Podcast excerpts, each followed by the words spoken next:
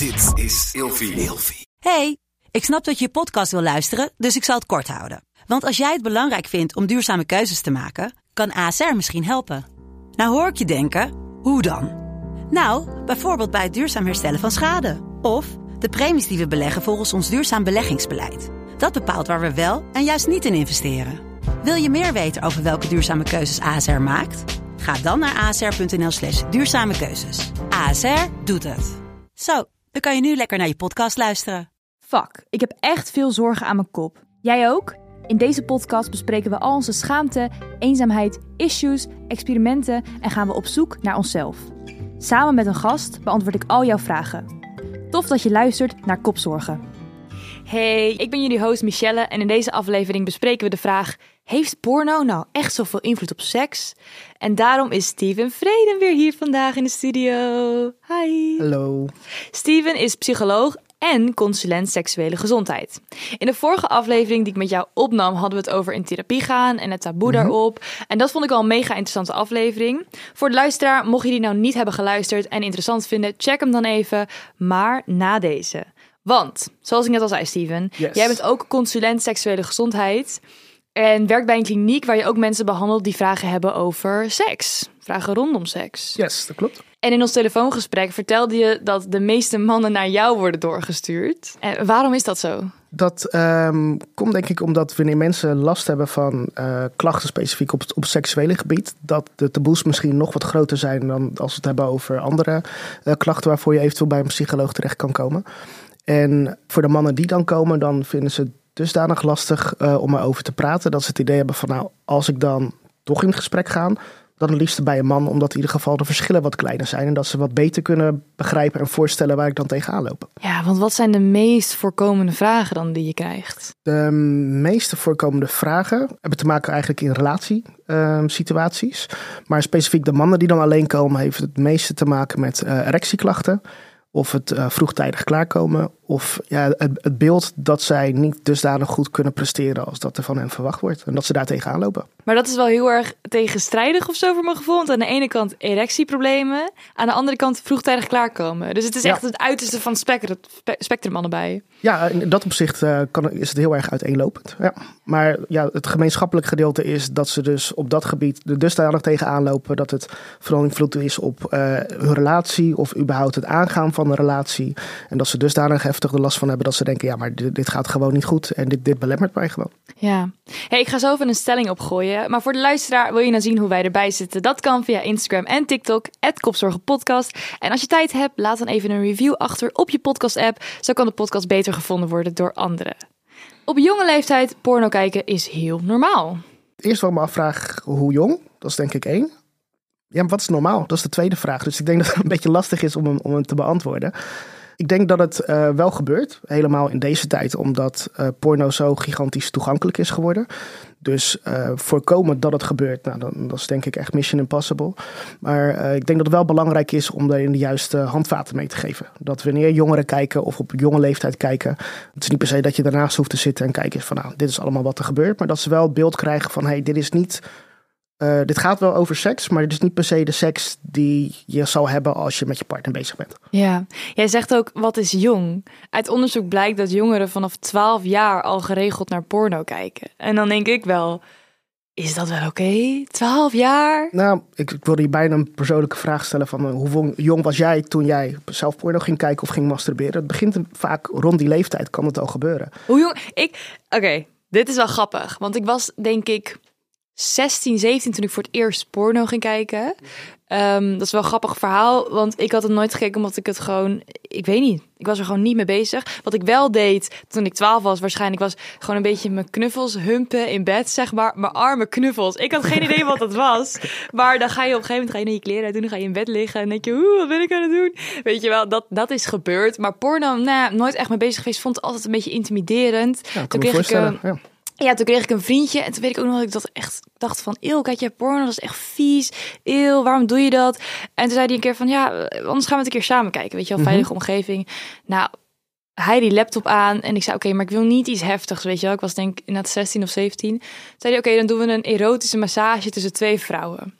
Nou, het gebeurde, het begon en ik dacht echt, het ongemak kwam over me heen. Ik dacht echt, kan je het alsjeblieft uitzetten? Ik kon het gewoon niet. En dat was niet eens heftig. Er gebeurde bijna niks. Ja. Maar ik dacht gewoon, waarom, waarom kijken we hier naar?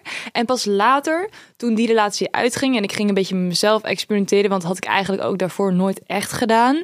Ehm, toen kwam ik op een gegeven moment op een site... en dat was best wel oké. En dan vond ik het nog steeds heftig. Maar als je echt wel in die opwinding zit, dan kan dat wel. Ja. Maar echt wat je hebt, RedTube en YouPorn en Pornhub... ik vind dat...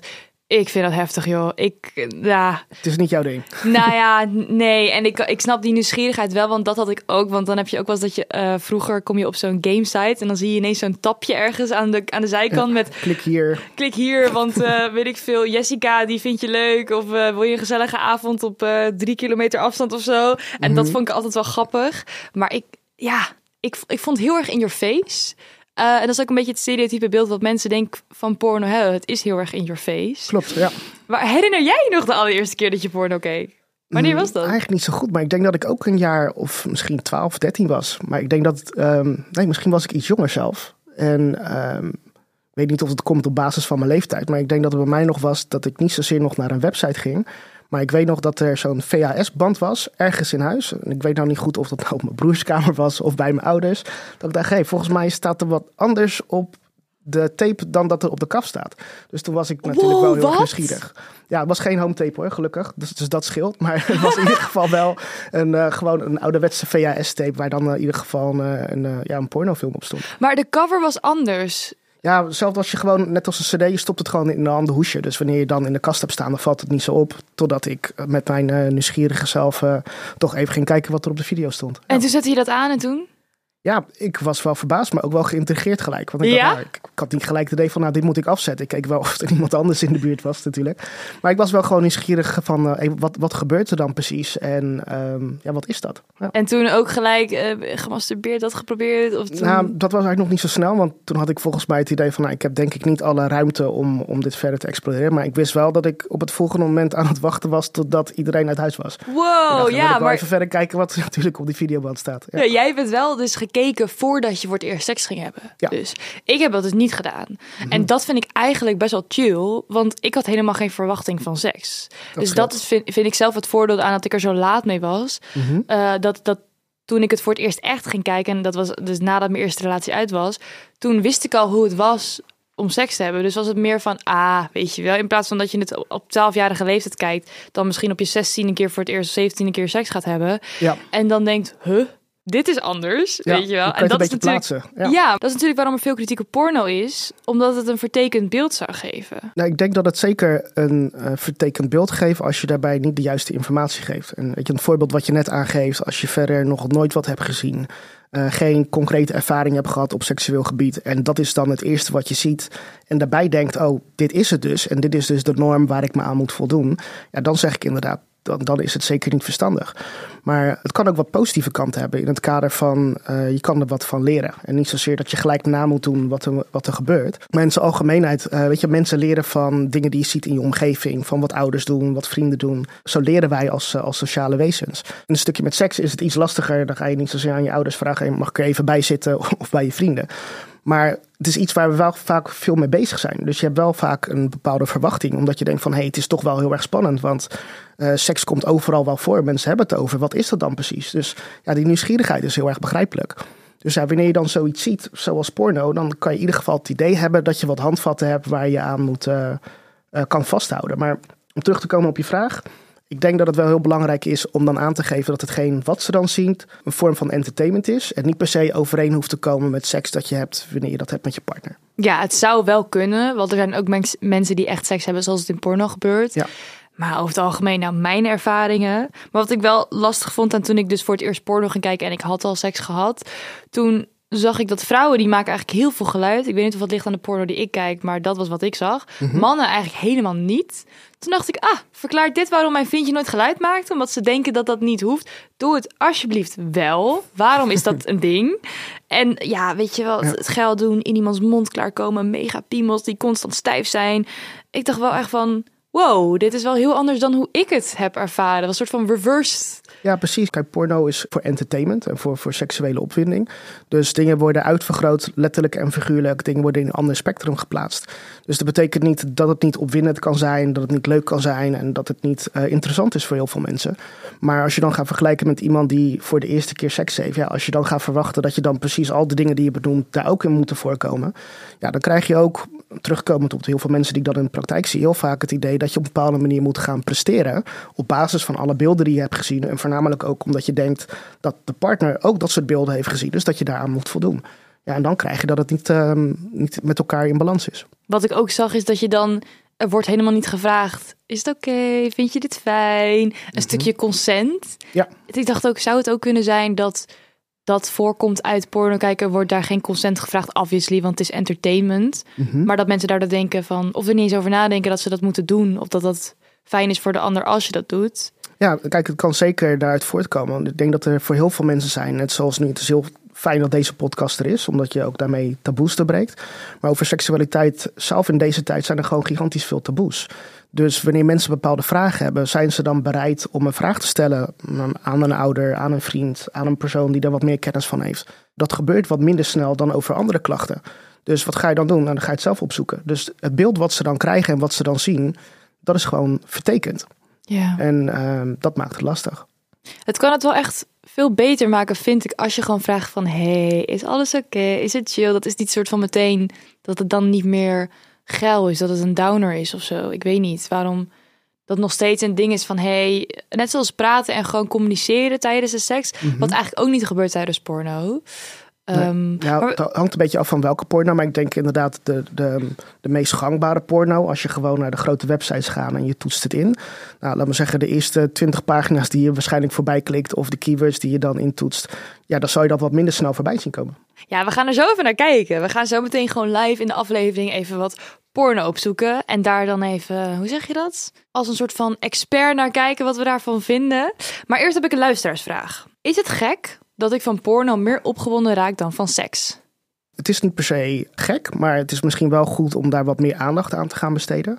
Zowel kijkend naar de soort seks die je hebt. Is dat in het kader van de relatie? Wat speelt er eventueel in de relatie waardoor je er wellicht wat minder van kan genieten of van de partner? Maar ik denk dat het wel een alarmbel kan zijn. Dus als je dusdanig meer geniet van het kijken van porno dan van seks, is dat je focus dus een beetje, ik zal niet zeggen verplaatst is, maar dat je meer opgewonden daarvan raakt. Terwijl het fijn zou zijn is dat het een middel is om bijvoorbeeld samen opgewonden te raken of samen ervan te genieten. Naast dat je kan genieten van, laten we zeggen, even de fysieke seks. Ja, maar het is toch ook niet zo heel gek, want er zijn eigenlijk veel meer prikkels die je krijgt bij porno, voor mijn gevoel, dan als je, ja, hoe zeg je dat? De standaard seks hebt met je partner, gewoon, gewoon chill, weet je wel. Mm -hmm. Um, nu zit ik ook wel echt aan de porno te denken dat het heel heftig is. Vrouw met de benen wijd en een hele grote piemel. En dat ze zo keihard aan het gaan zijn. Zeg maar dat is veel meer, als je dat ziet, zou ik ook veel meer overprikkeld raken dan mm -hmm. dat je gewoon lekker met z'n tweeën chill in bed ligt, weet je wel. En dat je dan gewoon rustig. Dus het is ook niet heel gek, toch? Nee, het is zeker niet gek dat het kan gebeuren. En het hangt denk ik ook af met de mate waarin je het kijkt, de hoeveelheid en wat voor impact dat op je kan hebben. Uit heel veel onderzoeken komt ook naar voren dat wanneer je Um, ik zal zeggen even overmatig, want het hangt niet even af wat dan exact het aantal is. Qua hersensysteem word je ook op een bepaalde manier beloond. Je maakt bepaalde stoffen aan die er ook voor zorgen dat jij steeds vaker datzelfde gedrag wil vertonen, want het is fijn. Het levert je een bepaalde beloning op. Het nadeel daarvan is, is dat je soms steeds meer van dat soort prikkels nodig hebt, die steeds intenser moeten zijn of steeds heftiger moeten zijn, om datzelfde gevoel van beloning te krijgen. Nou, en wat je zegt, ga je dat dan op een gegeven moment vergelijken met hetgeen wat je met je partner doet, ja, dan raakt het uit balans. Dus eigenlijk, mocht je hier dan verandering in willen brengen, moet je eigenlijk gewoon cold turkey stoppen. Nou, cold turkey hoeft niet, denk ik. Maar ik denk dat het wel goed is sowieso om daar bewust van te zijn. En ook misschien met iemand in gesprek te gaan die daar wat meer van af weet. Om te kijken van hey, in hoeverre uh, speelt dit dan bij mij? En hoe ga ik dan om met die seksuele prikkels? En hoe doe ik dat dan in mijn relatie? Dus dan bijvoorbeeld iemand zoals jij? Ja, dat zou zeker kunnen, ja. Wat ik ook dacht is, stel je bent porno-editor. Dus Ja. je ziet elke dag die video's bij komen. Dan, dan word je toch nooit meer geprikkeld door iets? Of, Eh, ik denk dat het wat lastiger zou gaan, inderdaad. Omdat je gewoon zoveel die beelden krijgt. Op een gegeven moment word je daar ook gewoon letterlijk minder gevoelig voor. Maar kijk, seksueel opgewonden raken kan op heel veel verschillende manieren. Dat kan met porno. Dat kan zonder porno, dat kan op verschillende manieren gebeuren. Dus ik denk dat voor dat soort mensen dat ze um, in ieder geval hopelijk voor hen ook andere manieren hebben gevonden om ook seksueel opgewonden te raken. Dan ben je veel meer bezig met de setting, met de sfeer dan, uh, laat maar zeggen, even de keiharde porno die je heel de dag doorkijkt. Ja, vast wel. Je kiest er ook wel een beetje voor. hey, ik heb nog een vraag en die is weer helemaal aan de andere kant van de vraag die ik net stelde. Ik raak nooit echt opgewonden van porno. Ik vind het eerder vies en heftig en het doet niks voor me. Ligt het aan mij of aan het soort porno dat ik kijk? Ik heb dit zo erg ook. Nou ja, het ligt er een beetje aan, maar... Kijk, je, per definitie hoef je niet opgewonden te raken van porno. Want kijk, het is geen verplichting. Iedereen heeft zijn eigen, los van persoonlijkheden, ook zijn eigen voorkeuren. Maar ben je er alsnog naar, nieuwsgierig naar, net zoals dat je zelf ook aangeeft... dan denk ik wel dat je heel veel dingen kan ontdekken en uitvoeren in verschillende soorten porno of porno. Om te kijken van, hey, zijn er nou bepaalde uh, beelden of manieren waar ik mij prettiger bij voel... en waardoor ik me eerder voel dat ik me opgewonden kan raken. Maar je hebt toch ook porna? Dat is toch porno, uh, porno speciaal voor vrouwen? Of? Ja, kort door de bocht is dat in principe wel. Maar het is eigenlijk gericht om, om te kijken dat mensen eigenlijk een beetje tegengeluid tegen hetgeen wat je zelf aangeeft. Dat er een manier is dat er op andere manieren rekening wordt gehouden met de kijker. En niet alleen maar even, laat maar zeggen, even de standaard man waar we het net over hadden. Die misschien gewend is om gewoon keiharde beelden te zien en actie te zien. Maar dat er misschien wordt mee wordt uh, rekening gehouden met verhaallijn, met perspectieven, aandacht voor niet alleen de man, maar ook voor de vrouw. Of wie er in ieder geval mee kan doen. Dus dat, dat geeft gewoon een hele andere uh, belevenis. Maar ik vind het wel interessant, want ik heb het, over, ik heb het gevoel dat mannen over het algemeen beter tegen die heftige beelden kunnen dan vrouwen. En dat is nu heel erg, ik generaliseer het nu heel mm -hmm. erg. Maar in mijn bubbel is dat heel erg zo. Dat mannen die kunnen echt gangbangs kijken als ik dat kijk. Ik kan, dat niet, ik kan daar niet naar kijken. Ja, of het wordt verwacht dat zij ernaar kunnen kijken en daarom het gewoon vaker blijven doen. Ja, is dat zo denk je? Er kunnen andere behoeften zijn, maar het is ook heel erg wat wordt er van jou verwacht. Als je het beeld krijgt dat dat de manier is wat heel erg opwindend moet zijn en wat geil moet zijn en tof moet zijn. Maar ik dacht dat het ook misschien iets is in de hersenen of zo. Of in de, het verschil tussen man en vrouw mannen beter tegen die prikkels kunnen en vrouwen dan meer gaan denken van, oeh, weet je wel, wat voor bank staat daar nou in de hoek, weet je wel. Ja. Daar denken mannen voor mijn gevoel helemaal niet over na. Ik generaliseer het heel erg ja, hè, voor kijk, de luisteraar Ik denk nu. dat het niet zozeer een man-vrouw verschil is, maar ik denk dat het gewoon een, een persoonlijk verschil is. En dat kunnen zijn dat het meer vrouwen zijn, dat ze andere manieren behoefte hebben om te zorgen dat zij opgewonden raken of kunnen raken. En dat merk je ook gewoon in de, in de praktijk als je gaat kijken van, hey, als twee mensen bij elkaar komen, als bepaalde dingen niet lopen qua seksualiteit, waar ligt er dan aan? En sommige mensen hebben een andere manier van het tonen van hun seksualiteit en voornamelijk ook hoe zij opgewonden kunnen of willen raken. En uh, daar kan je wel heel veel rekening mee houden. Maar dat is wel echt zo, want je hebt niet alleen maar kijken, maar je hebt ook erotische verhalen, luisterverhalen, films. Ik heb bijvoorbeeld ook een tijdje dat ik dacht van ja, ik vind filmscènes veel chiller. Bijvoorbeeld een Fifty Shades of Grey, zeg maar omdat het acteerwerk is vet goed. Dus je zit er helemaal in, weet je wel. Ja. Doe je op een gegeven moment even je laptopje dicht, pak je er even wat bij. Ga je lekker gezellig met jezelf in bed. Maar, en uh, porno, acteerwerk man. Ik weet niet of het aan mij ligt, maar ik, oh, als er dan zo'n advocaat is en er komt zo'n vrouw binnen. Of de, de broer van, van die vreemd gaan met de vriendin van zijn broer. Dan denk ik, oh, waarom? Nee, ja. nee, nee, nee, nee, nee. Ja, inderdaad, daar uh, wordt gewoon denk ik wat minder rekening mee gehouden. Maar het is ook denk ik heel erg wat voor behoeftes je zelf hebt. Dus precies wat je aangeeft, uh, wil je graag goed acteerwerk hebben? Wil je de verhaallijn meekrijgen? Wil je er helemaal in mee kunnen gaan? Ja, dat zijn er ook zeker uh, heel veel websites waar je ook gewoon zeker kan vinden wat je graag zoekt. Ik vind het wel grappig dat we het een beetje hebben over voorkeuren en zo. Want ik ben ook wel heel erg benieuwd, jij als expert, naar wat voor porno kijk jij dan het liefst? Uh, maar, nee nee, nee, nee, nee, nee, nee, niet zeggen. Dat gaan we bewaren voor de volgende aflevering. En voor de luisteraar, tot de volgende keer. Dit was Kopzorgen.